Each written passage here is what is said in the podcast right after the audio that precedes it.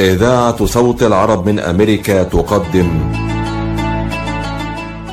عساكم من عواده عساكم من عواده حلقة خاصة نقدمها لكم عن مظاهر العيد في الدول العربية والولايات المتحدة. مستمعينا الكرام كل عام وأنتم بخير. ها هي أيام الفرح والسرور تهل علينا بنسائمها مع بداية أول أيام عيد الأضحى المبارك الذي نحتفل به اليوم مع جموع المسلمين في مشارق الأرض ومغاربها. نؤدي طقوسه مع كثير من الحذر وكثير من الفرحة والسرور. تحيطنا الإجراءات الاحترازية في كل مكان. وما زالت جائحة كورونا تكثم حتى الآن على بلدان العالم ومنها الشعوب العربية. فقد تجاوزت إصابات كورونا في العالم منذ ظهور الفيروس وحتى الآن نحو 90 مليون إصابة. وتجاوزت حالات الوفيات أربعة ملايين حالة وفاة. بينما بلغت حالات الإصابات في الولايات المتحدة حتى الآن نحو 35 مليون إصابة. بينما بلغت حالات الوفاة 624745 حالة. بينما تتصدر العراق الدول العربية في عدد إصابات كورونا حيث اقترب الرقم من مليون ونصف إصابة. تليها الأردن حيث بلغت الإصابات أكثر من 761 إصابة. ثم تليها في الترتيب الإمارات ثم المغرب لبنان تونس السعودية الكويت فلسطين عمان مصر البحرين ثم قطر. وهذه الأرقام الخاصة بالإصابات والوفيات جعلت الاحتفالات بالأعياد تتم في أضيق الحدود. ومنذ قديم الزمان والشعوب العربية والإسلامية تسير على عادات وطقوس خاصة احتفالا بعيد الأضحى المبارك. ما زال منها باقيا حتى الآن.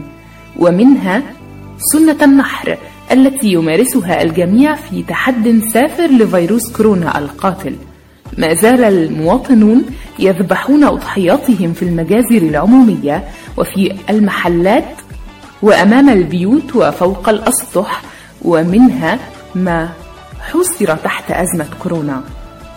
وحتى العام قبل الماضي كانت الأمور تسير بشكل طبيعي وتحتفل الشعوب بالعيد بحسب طقوسها وعاداتها. وكانت المظاهر الاحتفالية قائمة بكل تفاصيلها سواء دينية كتكبيرات وصلاة العيد أو المظاهر الشعبية مثل الخروج للحدائق والمتنزهات والشواطئ وزيارة الأقارب. وحول مظاهر عيد الأضحى المبارك في عدد من الدول العربية مثل مصر والسعودية وسوريا والأردن والسودان وغيرها ودول الخليج العربي ودول المغرب العربي وفي الولايات المتحدة الأمريكية. في ظل انتشار كورونا. تدور حلقتنا اليوم.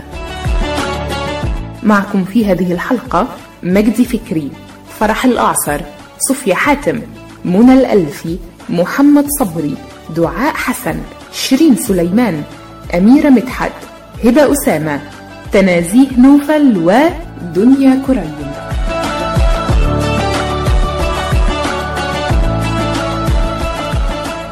أصدقائي المستمعين كل عام وأنتم بخير. نبدأ حلقتنا اليوم بهذا اللقاء مع فضيلة الأستاذ أمين عزام مدير إدارة التدريب بالأزهر الشريف حيث يحدثنا عن أيام التشريق. ما هي أيام التشريق؟ ولماذا سميت بهذا الاسم وما هي أفضل الأعمال في أيام التشريق؟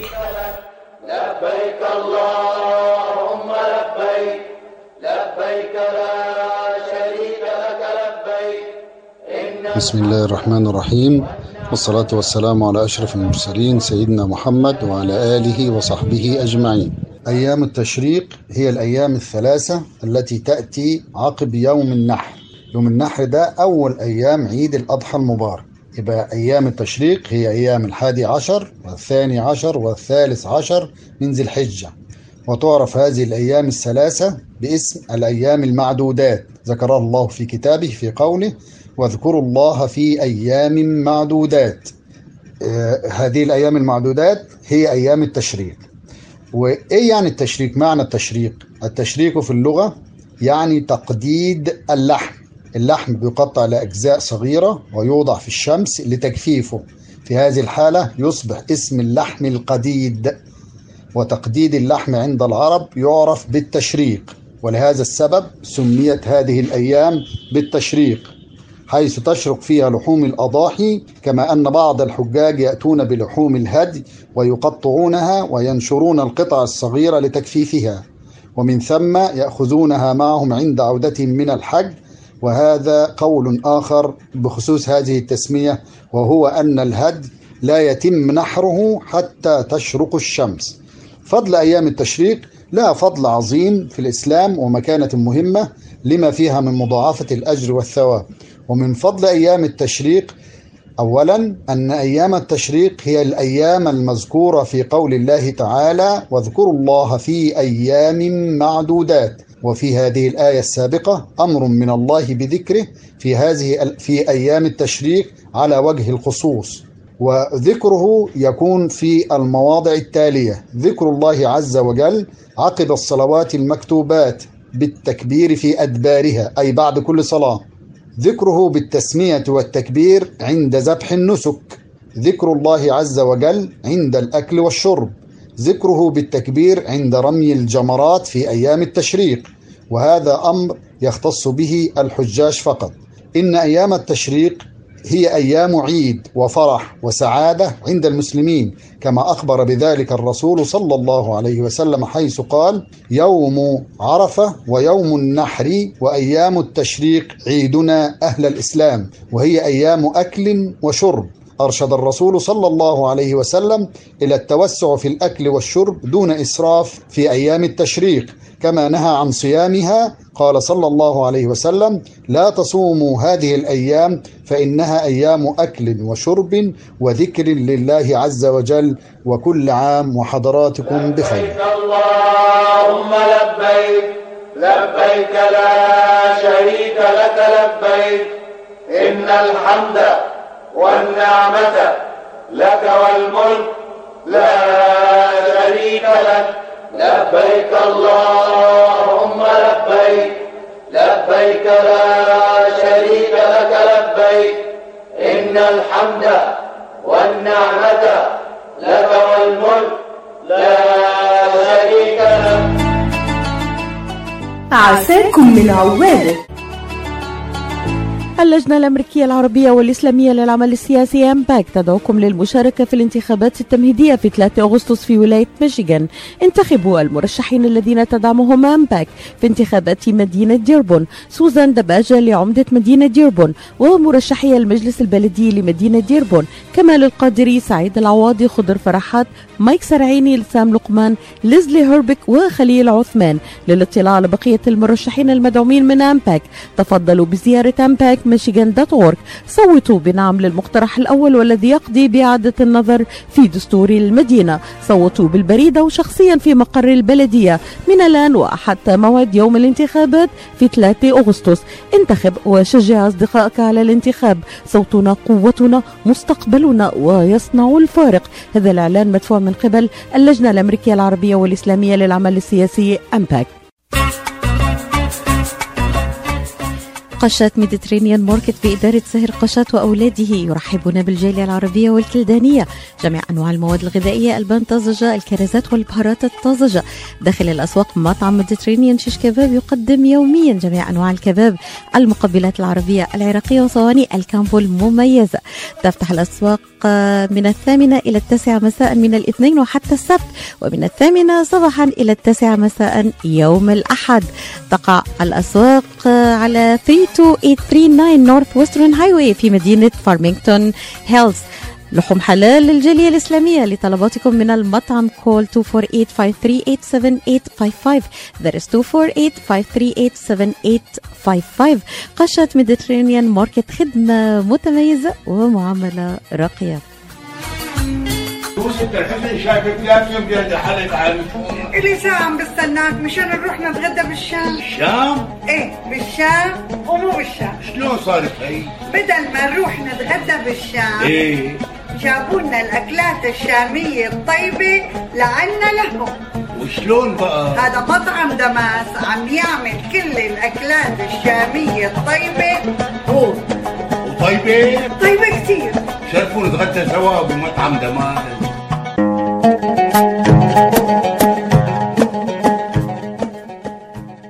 الأكل الشامي الأصيل فقط ب Damas Cuisine. زوروهم على 28841 Orchard Lake بفارمينغتون هيلز. ولطلباتكم اتصلوا على 248-987-4609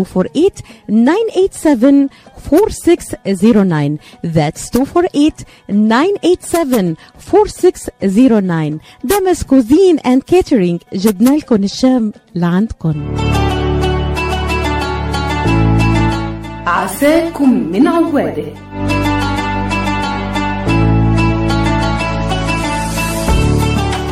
كل عام وأنتم بخير. عساكم من عوادة. عيدكم مبارك.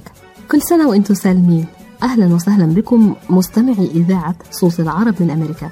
سنتحدث اليوم عن احتفالات بعض الدول العربية بعيد الأضحى المبارك في ظل كوفيد 19 تتنوع أشكال وطقوس الاحتفال بعيد الأضحى من بلد لأخرى في العالم الإسلامي فكل مجتمع يمتلك عاداته الخاصة التي تضفي السعادة والسرور على أفراده.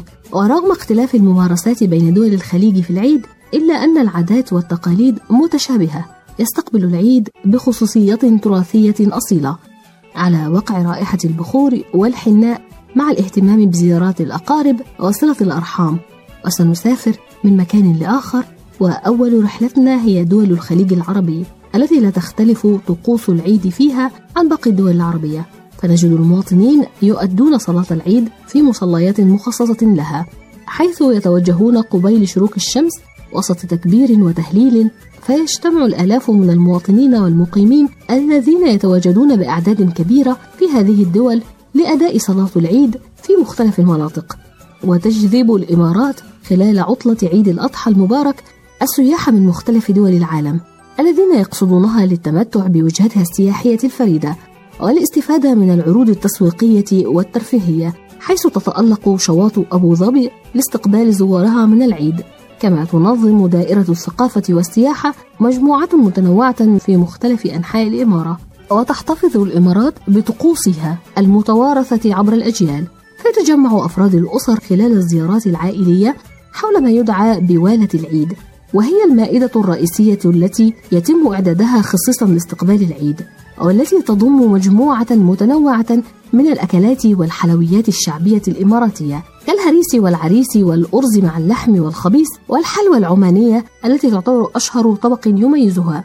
ولا تختلف البحرين ودولة قطر عن الاحتفال بالعيد عن دولة الإمارات. من حيث الحفلات الترفيهية الخاصة بالكبار والصغار.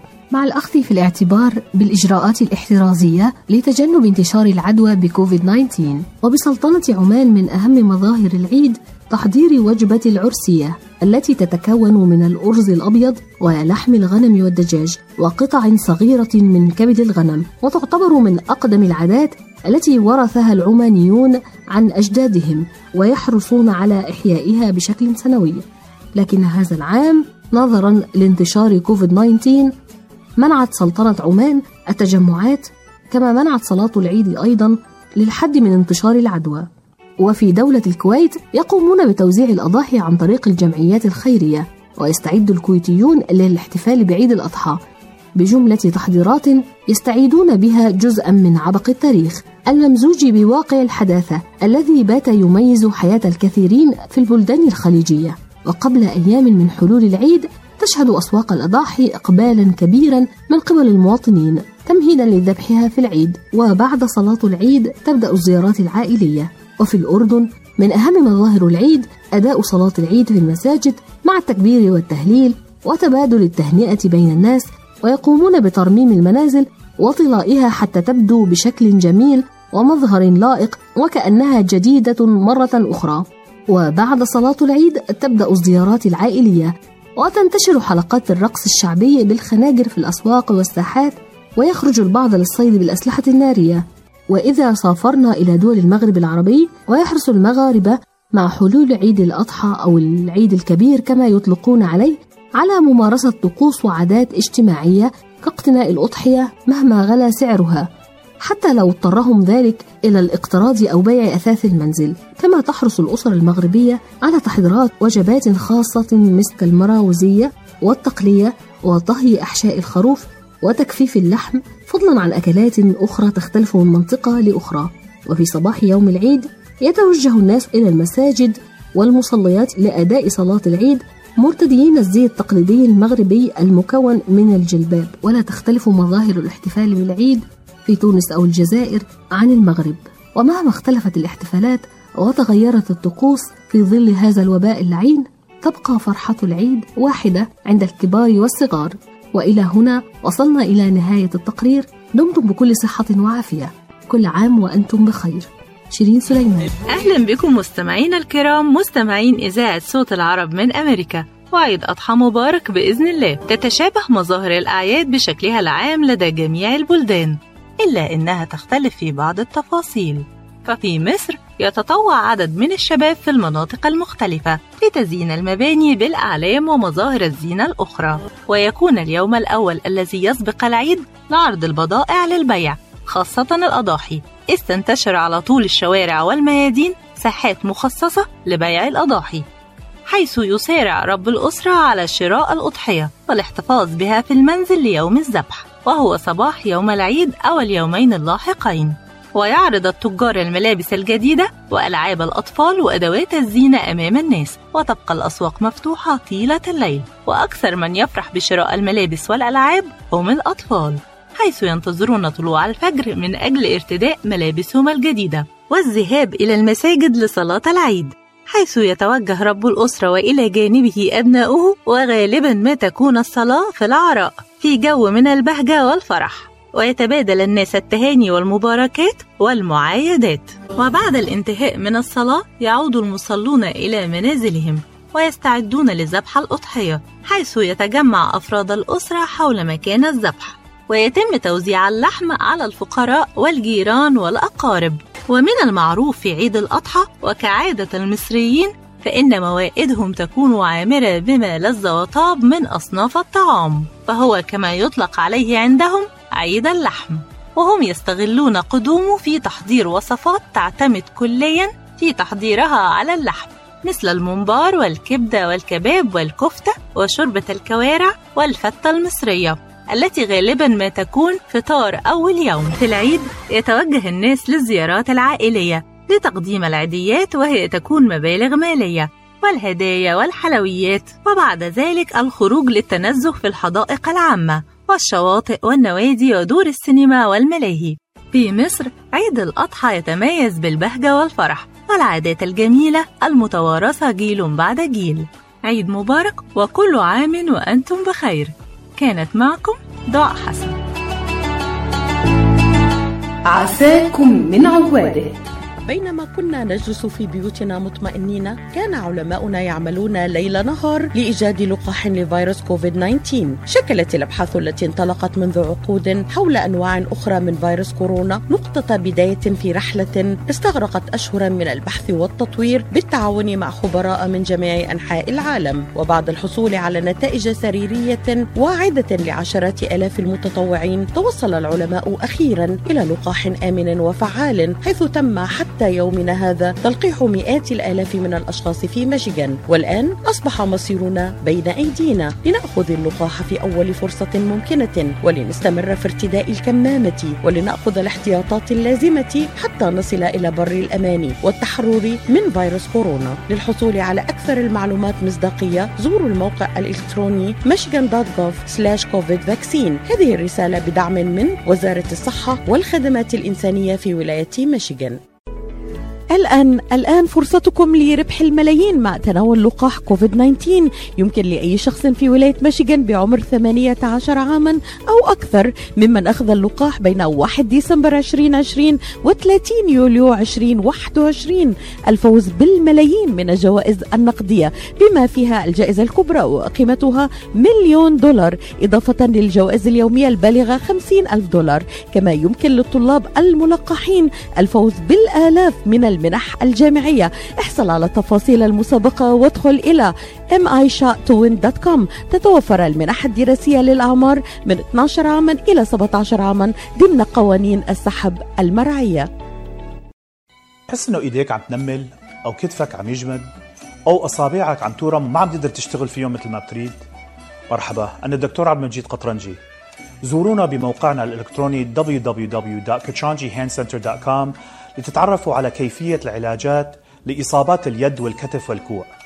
وإن شاء الله تقدروا تشاركونا بافتتاح مركزنا الجديد في تروي ميشيغان. ونتمنى لكم العفو والعافية. للمواعيد زورونا في عيادتنا الواقعة على 1565 في مدينة تروي البناء F أو اتصلوا بنا على الرقم 248-869-4263 That's 248-869-4263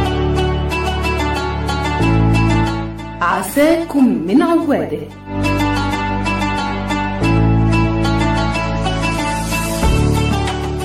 أهلا بكل مستمعي راديو صوت العرب من أمريكا. كل عام وأنتم بأتم صحة وأفضل حال. تهل علينا الأعياد التي ننتظرها ليتجمع الأهل والأصدقاء وتعم الفرحة كل بيوت الوطن العربي والإسلامي. ولكل دولة طقوس وعادات تميزها للاحتفال بالأعياد. هيا بنا نتعرف على مظاهر العيد في المملكة الأردنية الهاشمية. الأردن بلد يتشكل من مجموعة من الثقافات والتقاليد الممزوجة بين الأصالة والحداثة. والحديث عن العيد في الأردن يعني الحديث قبل كل شيء عن الكرم الأردني وحسن الضيافة حيث أنك تجد القهوة الأردنية حيثما ذهبت في البيوت في المحال التجارية تقريبا في كل مكان. ويغلب على الأردنيين الطابع القبلي البدوي ومما يميزهم هو التجانس ما بين ثقافة الأردن وثقافة البلاد المحيطة به مثل السعودية والعراق وفلسطين وسوريا بل وحتى الثقافة الغربية. أما عن استقبال العيد في الأردن فإن العائلات الأردنية تستعد للعيد بشراء الملابس للأطفال حيث أن الأسواق لا تغلق أبوابها حتى الصباح الباكر في آخر يوم قبل العيد. وفي صباح أول أيام العيد يتوجه الناس إلى الصلاة من الرجال والنساء والأطفال حتى أنك ترى جميع المصلين في الشوارع العامة إلى درجة أن الشارع العام في وسط البلد يغلق أثناء الصلاة في المسجد الحسيني. وبعد الصلاة يتبادل المصلون التهاني ثم ينطلقون لمباركة عوائلهم وإعطاء أولادهم العيدية ومما اعتاد عليه الأردنيون في العيد هو الاجتماع في منزل كبير العيلة. كما يقال عليه في اللهجة الأردنية. يتجمعون لتناول طعام الفطور. وهناك أكلة مميزة تصنعها السيدات في العيد وهي كبد الخروف المحشية بالبقدونس والثوم وفي عيد الأضحى غالبا ما تتأخر باقي الزيارات إلى بعد الظهر وذلك لانشغال الناس بالأضاحي. ومن العادات الجميلة الطيبة في الأردن هي العيدية التي تعطى للكبار والصغار من النساء والأطفال لأنهم يعتبرونها نوع من صلة الأرحام وغالبا ما تخرج العائلات الأردنية أيام العيد إلى المتنزهات والأماكن العامة حيث تمتاز المناطق في الأردن بكثرة الأشجار والمساحات الخضراء وعادة ما يكون غداء العوائل من المشاوي حيث يقوم الرجال بتحضير كل ما يتعلق بالشيء من إشعال النار وترتيب اللحوم وكذلك عملية الشواء وتعد النساء المائدة وباقي أصناف الطعام. ومن الأكلات التي عادة ما يتناولها الأردنيون في عيد الأضحى فهي الكباب وطبق المنسف الأردني الذي هو عبارة عن أرز يضاف إليه اللحم المغلي باللبنة وهي أكلة بدوية أصيلة وتعتبر من أشهر أكلات المطبخ الأردني وهناك عائلات أردنية تفضل الذهاب إلى العقبة في أيام العيد حيث يتمتع الأردنيون بالأجواء الخلابة لميناء العقبة. كانت معكم أميرة مدحت على موجات صوت العرب من أمريكا. يا رايحين للنبي الغالي أهنيالكم وعقبالي. والنهاردة هنتكلم عن كسوة الكعبة المشرفة اللي كانت قبل الهجرة مش بالشكل المعروف حاليا اللون الأسود المطرز بالذهبي. كانت كسوة بسيطة جدا لكن بعد الإسلام النبي عليه أفضل الصلاة والسلام كساها بقماش اسمه القبلتي أول كسوة أرسلت من مصر للكعبة الشريفة في عهد الدولة الفاطمية وكانت مصنوعة من الحرير الأحمر ومطرزة بالخيوط ومكتوب عليها آيات الحج وزينت بالهلال الذهبي والأحجار الكريمة وكانت معطرة بالمسك وبمرور الوقت اتغير شكلها والتصميم بتاعها كمان اتغير لون القماش وبقى حرير أحمر وأخضر. في العصر الأيوبي وفي العصر المملوكي الموضوع اختلف تماما بقت ترسل الكعبة كسوة وكسوة لمقام سيدنا إبراهيم وكسوة للحجرة النبوية. وطبعا إرسال الكسوة كان بيتم في احتفال كبير جدا. في عام 1961 قررت المملكة العربية السعودية إنها تصنع الكسوة على أراضيها. بالمناسبة دار الكسوة في حي الخرنفش حصلت على شهادات تقدير سواء من مصر أو فرنسا أو بلجيكا. سنة 1926 لغاية سنة 1937 ومن طقوس المصريين في صناعة الكسوة الوضوء ترتيل سورة الفاتحة تعطير المكان بالكامل بالبخور والصلاة على النبي عليه أفضل الصلاة والسلام بشكل جماعي. تولى إدارة دار الكسوة المصرية في حي الخرنفش حوالي 60 عامل حرفي وكان آخرهم الحاج كامل محمد حسن أمين ندى واللي ورث المهنة عن والده وهي تطريز كسوة الكعب المشرفة وفي رحلة الحج الخاصة بيه اللي كانت على نفقة الدولة سنة 1974 لاحظ أثناء طوافه إن الكسوة اللي صنعتها المملكة العربية السعودية فيها أخطاء فنية كبيرة جدا. وده طبعا أثر على ترتيب الآيات القرآنية بشكل احترافي. بعد رجوعه من أداء فريضة الحج سافر تاني لأداء العمرة على نفقته الخاصة. سافر وقابل المسؤولين عن دار الكسوة في المملكة العربية السعودية وشرح ليهم أخطاء الصنع. وبعد مناقشات تم التعاقد مع الحاج كامل بمبلغ 2500 ريال شهريا بشرط إنه يعلم 40 عامل حرفي سعودي. اصول المهنة. وبالفعل شارك في صنع الكسوة هناك على مدار سنتين وقام برسم وتطريز بعض اللوحات اللي كانت موجودة في أركان الكسوة. ودي كانت رحلتنا النهاردة مع كسوة الكعبة المشرفة. كل سنة وحضراتكم بألف خير مستمعينا الكرام. كانت معكم من القاهرة دنيا كريم لراديو صوت العرب من أمريكا. عساكم من عوادة. حكي معونة فهم في العين. وافهم كمان ومن بمثل خبرة الدكتور عماد نقاش أستاذ الطب وجراحة العيون في جامعة وين؟ خبرة طويلة في التعامل مع أمراض العيون وجراحتها عمليات تعديل وتصفية النظر إزالة الماء الأبيض والأسود الجلوكوما وتصحيح النظر من أثار مرض السكر. كادر متخصص ومتدرب لخدمتكم. شعبة متخصصة للنظارات الطبية والهندسة اللاصقة. يقبلون معظم أنواع التأمين الصحي. زوروهم في عيادتهم الواقعة على جنار والناين مايل في مدينة هيزل بارك للمواعيد اتصلوا على 248 336 3937 248 336 3937 أو عيادتهم في راجستر هولس للمعلومات اتصلوا على 248 299 3937 248 299 3937 مرحبا سعيد. أهلا علا. ليش هالمقابلة الفاترة هي؟ بيقول المثل لاقيني ولا تغديني. يمه زعلتي. شنو رأيك إذا لقيتك وأيضا غديتك بأحسن مطاعم ميشيغان مطعم عشتار والله فكرة. أفضل الأطباق والمقبلات العربية والعراقية وأحلى ملقا ولا تنسين اللحوم الطازجة مباشرة من ملحمة عشتار لزباين عشتار. وملحمة عشتار توفر اختيارات متنوعة من كافة أنواع اللحوم وبأسعار متميزة وجودة أيضا مميزة. ملحمة عشتار تقع على 36865 Ryan Road في مدينة ستيرلينغ هايت وأكيد أحلى لمة. وأطيب لقمة في مطعم عشتار اللي عنوانه 3625 15 Mile Road في مدينة ستيرلينغ هايت هاتف 586-698-2585 586-698-2585 يلا علا. يلا عشتار للجودة وكرم الضيافة عنوان. مطعم عشتار. توفر أكاديمية New Dawn لأطفالك منهجا غنيا بالعلوم والتكنولوجيا والهندسة والرياضيات نريد أن يختبر الطالب حقا كيف يبدو حل المشكلات وماذا يعني بناء الأشياء معا. وهذه المهارات التحليلية هي ما يجعل برنامج New Dawn فريدا جدا. المدرسة توفر مبنى جديد مزود بأحدث سبل الراحة. New Dawn Academy مدرسة مجانية في ستارلينغ هايتس سجل الآن. 855 800 7836 تخيل أنك تقف على مسار قطار بعيد عنك لكنه يتجه إليك. لا يمكنك رؤيته لكنه قادم إليك بالتأكيد. إذا كنت في مرحلة ما قبل السكري أو معرضا لخطر الإصابة بالسكري من النوع الثاني فقد تكون على المسار الخاطئ وقد يصل إليك مرض السكري. لا تقف على المسار الخاطئ بل غير طريقك وتجنبه إذا كنت في مرحلة ما قبل السكري أو معرضا لخطر الإصابة بالسكري من النوع الثاني فقد تكون مؤهلا للبرنامج الوطني للوقاية من مرض السكري ضمن مجتمعك المحلي. سيمنحك البرنامج ولمدة عام كامل الدعم المستمر لتعود إلى المسار الصحيح.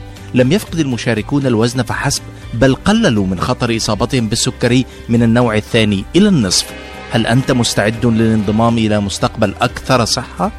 اعرف المزيد عن البرنامج الوطني للوقاية من مرض السكري وإمكانية التعامل معه. قم بزيارة michigan.gov/diabetes رسالة من وزارة الصحة والخدمات الإنسانية في ولاية ميشيغان عساكم من عوادة. مستمعينا الكرام كل عام وأنتم بخير. عيد سعيد عليكم جميعا. يأتي الاحتفال بعيد الأضحى المبارك بعد إتمام صيام يوم عرفة لغير الحجاج حاملا معه للمسلمين البهجة والسرور. وتتمثل مراسم الاحتفال بعيد الأضحى في السعودية في عدة أشكال وصور. وقد تختلف باختلاف ثقافة البلدان. إلا أن جميعها تتجه لنفس الهدف وهو نشر الفرح والسرور في قلوب المسلمين. يرتبط احتفال عيد الأضحى في السعودية ارتباطا وثيقا بثقافة هذا البلد العريق وتقاليده الأصيلة. يتمسك الشعب السعودي بعاداته وتقاليده المتوارثة من الأجداد منذ زمن قديم. وبقدوم عيد الأضحى في السعودية يقومون بإحياء هذه العادات والطقوس في كل عام. على الرغم من أن هذه العادات قد تأثرت كثيرا بوجود فيروس كورونا في المملكة وانتشاره حتى الآن. وقد تجاوزت عدد الإصابات بكورونا في المملكة العربية السعودية منذ ظهور الفيروس حتى الآن أكثر من خمسين ألف حالة. كما تجاوز عدد الوفيات ثمانية ألف وفاة. ويبدأ يوم العيد في السعودية بالمناسك الدينية المفروضة. فيلبس الرجال ثيابهم ويتطيبون بالعود قدوة بالرسول الكريم صلى الله عليه وسلم. ثم يذهبون إلى المساجد لتأدية صلاة العيد والاستماع إلى خطبة العيد ومن ثم ترديد تكبيرات العيد. ومن عادات العيد في السعودية أن يحمل الأطفال سلال الحلوى والتمر لتوزيعها على المصلين ويقومون بتبادل تهاني العيد بقولهم عساكم من عواده. بعد الصلاة والتكبيرات تجتمع العائلة في الصباح لذبح أضحية العيد ثم توزيعها على مستحقيها وطهي جزء من الأضحية لأهل المنزل. بعد ذبح الأضحية يتم تحضير طعام فطور كبير لكافة العائلة ويجلسون في سفرة واحدة وسط الأجواء المليئة بالفرح واللحظات الجميلة ثم يبدأون بتبادل الزيارات والمعايدات. وبالطبع لا يخلو أي منزل في عيد الأضحى في السعودية من ضيافات العيد المقدمة من المعمول والكعك بالتمر أو الكليجة ويتم تقديمها إلى جانب القهوة وشوكولاتة العيد المزينة بعبارات العيد أو برسم أضحية كرمز العيد الأضحى. ومن عادات وتقاليد السعودية في العيد والمتوارثة حتى الآن اجتماع العائلة في منزل كبير الأسرة لتناول طعام الغذاء المصنوع من لحم الأضحية كالمندي والكبسة والهريس والمرقوق والمراهيف. والمصابيب والمراسيع. تتشارك العائلة الغذاء وسط أجواء مليئة بالمحبة والفرح. ولكن حاليا في وضع كورونا تكون الزيارات أقل والتجمعات بنسب بسيطة حتى لا تزيد أعداد الإصابات بفيروس كورونا. كما تسعد العائلات بالخروج في نزهات أو التجمع في الأماكن والساحات العامة لقضاء أوقات ممتعة والاستمتاع بالعيد. كما تجتمع السيدات والجارات والأقارب ليلة العيد في منزل واحد لتقوم الجدة أو إحدى الجارات برسم الحناء للبنات والنساء. مستمعينا الكرام كل عام وأنتم بخير. كانت معكم من الرياض عاصمة المملكة العربية السعودية هبة أسامة لراديو صوت العرب من أمريكا. عساكم من عواده. يلا سوا يا حبي نسهر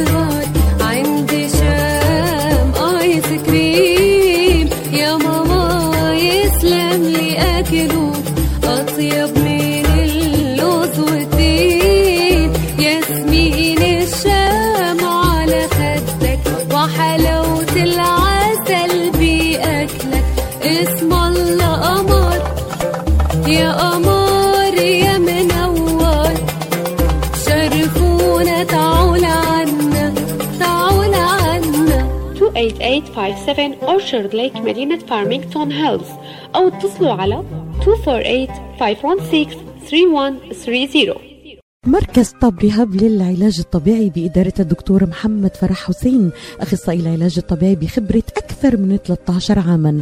طب رهاب يقدم خدمات العلاج الطبيعي وإعادة التأهيل ويضم مجموعة من أفضل أخصائي التشخيص الدقيق للحالات المرضية مع خبرة عالية في التعامل مع الحالات التي تحتاج إلى إعادة تأهيل وعناية خاصة بعد العمليات والكسور. طب رهاب يستقبل كل الحالات المتعلقة بألم الرقبة الظهر المفاصل شلل الوجه الانزلاق الغضروفي عرق النساء الحوادث وإصابات العمل. خبيرات في المعالجة النسائية لخصوصيات تامة للسيدات. عندما تبحثون عن رعاية متميزة اقصدوا توب ريهاب للعلاج الطبيعي الواقع على 15001 ميشيغان افنيو وللمواعيد اتصلوا على 313 846 0555 that's 846 0555 العطاء قصة رائعة. بدايتها إنسان يهتم ونهايتها إنسان يحتاج. مؤسسة الحياة للإغاثة والتنمية. ومنذ أكثر من 25 عاما تحمل عطاءك إلى من يستحقه ويحتاجه. بغض النظر عن الجنس أو العرق أو الدين فأينما تكون الحاجة؟ تجد الحياة تقدم المساعدة الطبية والملاجئ وبناء المدارس والأوار الارتوازية وبرامج كفالة عوائل اللاجئين والأيتام وغيرها حسب الحاجة. للمساعدة في استمرار هذا الجهد الكبير امنح تبرعك المعفى من الضرائب اليوم إلى منظمة الحياة للإغاثة والتنمية. عبر الموقع www.lifeusa.org أو الاتصال على الرقم المجاني 1-800-827-3543 عساكم من عوادة. عيد الأضحى دائما له طابع خاص ومتفرد في كل دولة عربية. وبمجرد أن تقع عينك على الاستعدادات تعرف في أي بلد إفريقي يهل عيد الأضحى.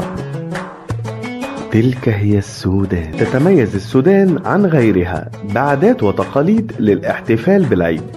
فتبدأ ليلة العيد بجمع الأحباء والأقارب والأصدقاء. وبمجرد بزوغ الفجر تجد السودانيين يتزينون ويرتدون الملابس الجديدة من أجل صلاة العيد. الله أكبر الله أكبر لا إله إلا الله. ثم بعد ذلك تأتي تجهيزات الأكلات. وذبح الأضاحي. فالعيد له طعم خاص عند السودانيين وخاصة في الأكل حيث تجد أشهى الأطباق والأكلات من أول صباح عيد الأضحى المبارك حيث يتناولون بعد صلاة العيد العصيدة والتي تتكون من ماء ودقيق زبانية مجفف واللحوم. أما بالنسبة للأضاحي فذبح الأضحية في العيد هو أمر يدعوك لمعرفة عادات الاحتفال. ففي جو من السعادة تجد توزيع اللحوم على الأصدقاء والجيران والفقراء. أما عن زفة العيد فللسودان تقليد موروث قديما يعبر عن فرحتهم بقدوم العيد. ففي وقفة عرفات يخرج تجمع من الأهل والأصدقاء إلى الشوارع الكبرى مع موسيقى سودانية أصيلة للاحتفال بعيد الأضحى المبارك. وتعد زفة العيد من أقدم العادات القديمة الموروثة عن الأجداد في السودان. وبالطبع هناك العديد من العادات المميزة التي يتسم بها كل شعب عربي على حدة. أترككم لمعرفتها مع باقي الفقرات. وكل عام وأنتم بخير. شكرا لاستماعكم. كان معكم محمد صبري. أما عن طقوس العيد في سوريا سنستمع إليها من الزميل محمد طه الهلال. العيد في سوريا. هناك جزء مشترك في الاحتفال بالعيد بين سوريا وباقي البلدان. ففي سوريا يتم إقامة مساحات كبيرة للأطفال حيث تنصب الألعاب التي تجعلهم يشعرون بطعم العيد ولذته.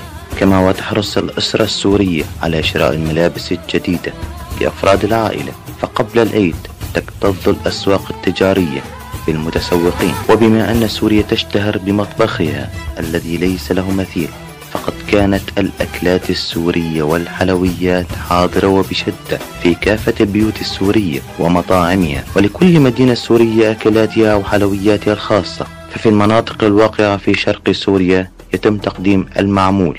أما في حلب فيتم تقديم الكبابيج التي تتناول مع الناطف. وفي حمص تؤكل الحلويات الحمصية ناهيك عن الشوكولاتة والسكاكر التي تقدم للمهنئين في العيد عساكم من عواده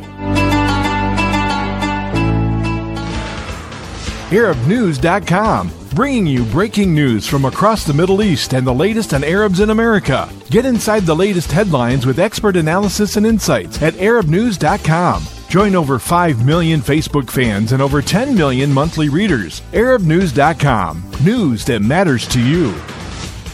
مراكز IVF مشيغان للخصوبة وأطفال الأنابيب الرواد في مجال الطب التناسلي. تعلن عن استقبال مراجعيها في بلومفيلد هيلز ومراكزها المنتشرة في ميشيغان وأوهايو حيث يتواجد أمهر الأخصائيين لتقديم الاستشارات في جميع مجالات التلقيح الصناعي.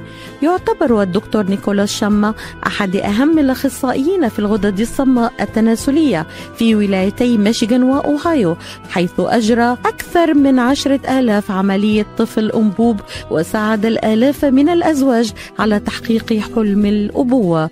يحمل الدكتور شمة شهادة البورد الأمريكي في كل من أمراض النساء والتوليد أمراض الغدد الصماء التناسلية والعقم. رعاية طبية ممتازة وتفهم عميق للأثر العاطفي والنفسي لحالة العقم. للاستفسار اتصلوا على 248 952 9600 248 952 9600 لتحضري عشاء طيب وسفرة ملكية منقدم لك تشكيلة متنوعة وغنية مربيات كبيس وحمص بطحيني الجودة عالية والمنتجات صحية. الشكل مثل الخيال والريحة شهية. لتطلع سفرتك لوحة فنية زياد لقمة هنية وطعمة أصلية. منتجات زياد من عائلتنا إلى عائلتكم. عساكم من عوادة. العيدية. العيدية هي عادة شعبية سنوية ارتبطت بأيام العيد وهي نوع من أنواع التواصل والتكافل بين الأقارب. بيدفعها الكبار ليدخلوا السرور على الأبناء والأحفاد بالقدر المستطاع لنشر المحبة والسعادة بينهم.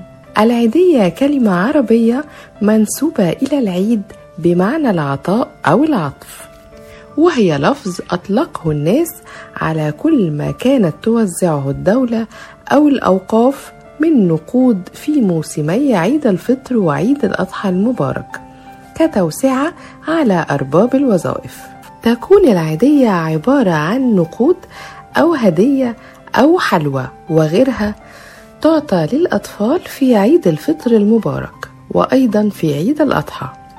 تعود هذه العادة العربية الإسلامية إلى قرون قديمة. قد حرص الفاطميون على توزيع العيدية مع كسوة العيد. وعندما كان الرعية يذهبون إلى قصر الخليفة صباح يوم العيد للتهنئة كان الخليفة ينثر عليهم الدراهم والدنانير الذهبية من شرفته بأعلى أحد أبواب قصر الخلافة. يرجع البعض العادة دي إلى عصر المماليك. فكان السلطان المملوكي يصرف راتبا بمناسبة العيد للأتباع من الجنود والأمراء ومن يعملون معه وكان اسمها الجامكية. تم تحريفها بعد كده إلى كلمة العيدية. كانت تقدم العيدية على شكل طبق تتوسطه الدنانير الذهبية ويحيط به الكعك والحلوى وتقدم العيدية من السلطان إلى الأمراء وكبار رجال الجيش.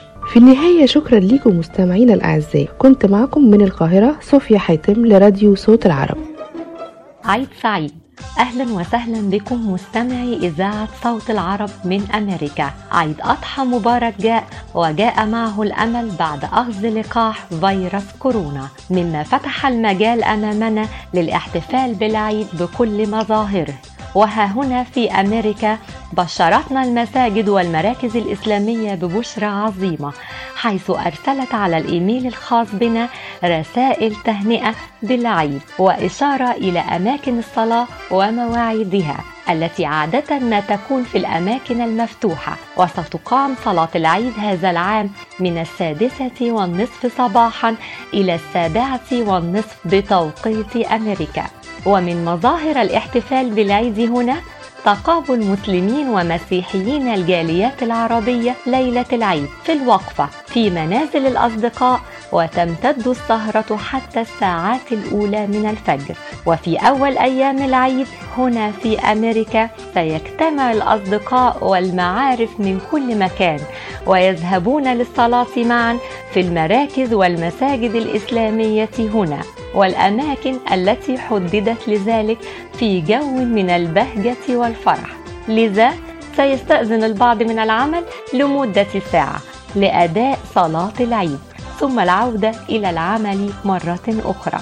وعادة ما يجتمع أفراد العائلة المفرقون في الولايات المختلفة بمنزل كبير العائلة ويتفقون على ذبح الأضحية والقيام بحفلات الشواء في الحدائق. ومن المتوقع أن يكون ذلك التجمع في الويك إند الأجازة الرسمية يومي السبت والأحد لتتجمع الأسرة في جو دافئ مليء بالمرح. يتناولون فيه الطعام على مائدة واحدة. وتوزع هدايا العيد والبالونات والحلويات على الأطفال كمظهر من مظاهر العيد هنا. وكذلك ارتداء الملابس الجديدة وتبادل التهاني والمباركات والمعايدات فيما بيننا. ومثلنا مثل جميع المسلمين. فنحن نتناول الفتة في المطاعم العربية بنيو جيرسي ونيويورك. وفي كل بيت عربي هنا. عيد أضحى سعيد لكل مستمعي إذاعة صوت العرب في أمريكا. كانت معكم تنازيه نوفل. كل عام وأنتم بخير. كنا معكم مستمعينا الكرام في هذه الحلقة الخاصة عن مظاهر الاحتفال بعيد الأضحى المبارك في عدد من الدول العربية وفي الولايات المتحدة في ظل انتشار فيروس كورونا للعام الثاني على التوالي. كل عام وأنتم بخير جميعا. ولكم تحيات أسرة البرنامج. مجدي فكري فرح الأعصر. صوفيا حاتم منى الألفي محمد صبري دعاء حسن شيرين سليمان أميرة مدحت هبة أسامة تنازيه نوفل ودنيا كري عساكم من عواده عساكم من عواده. حلقة خاصة نقدمها لكم عن مظاهر العيد في الدول العربية والولايات المتحدة.